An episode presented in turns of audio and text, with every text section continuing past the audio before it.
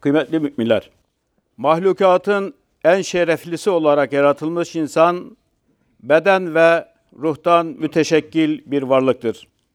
Görünür olan beden varlığının yanında, varlığının esası olan ve lakin göze görülmeyen ruhu vardır. Nasıl ki beden sağlığı hayatımızın devamı için elzem ise, aynı şekilde ruh sağlığı da kaçınılmaz bir gerekliliktir.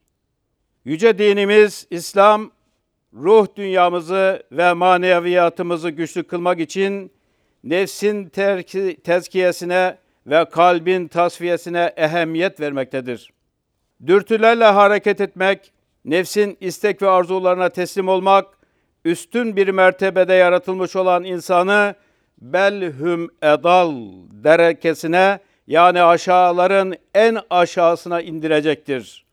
Nefsin terbiye edilmesi ise insanı varoluş amacı olan kemalata ulaştıracaktır.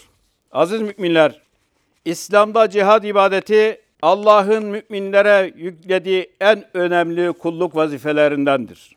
Cihad iyinin, doğrunun ve güzelin hayata hakim kılınması için gayret göstermektir. Her bir Müslüman gücün nispetinde cihad etmekle emrolunmuştur. Toplumsal sorumluluğun gereği insanlığın hayrına çalışmakla görevlendirilmiştir. Cemiyet hayatının yanında cihatın bireyi muhatap alan yönü de vardır. Nitekim Yüce Peygamberimiz büyük cihadı nefsin heva ve hevesine karşı yapılan cihattır diye buyurmuşlardır.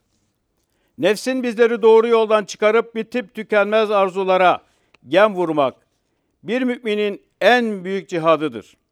Çünkü tam kötülüklerin kaynağı olan nefsin terbiyesi için çok çetin bir mücadele gerekir.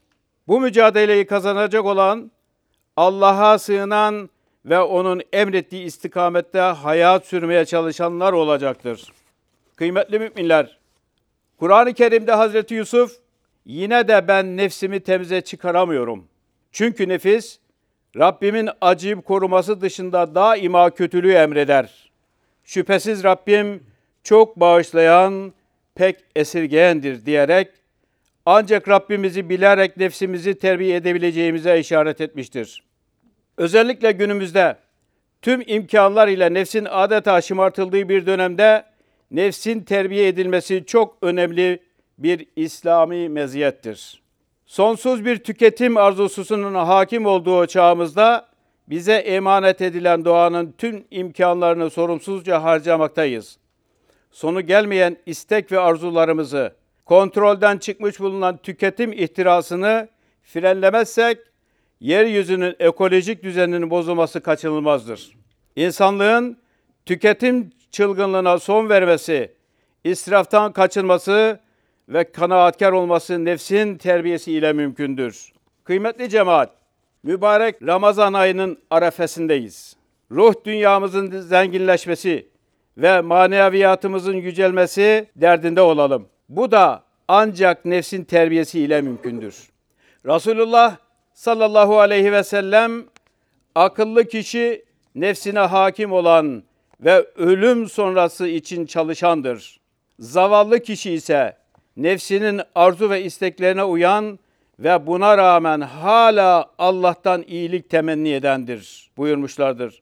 Dünyada huzur ve ahirette saadet için Allah'ın razı olduğu bir kul olmak için nefsimizin eğitim ve terbiyesine önem verelim.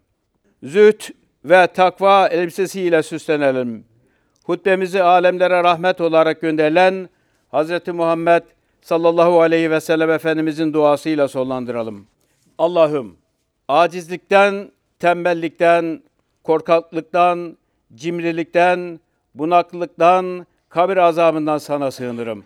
Allah'ım nefsime senden sakınma şuurunu, takvasını ver ve nefsimi arındır. Onu en iyi arındıracak olan sensin.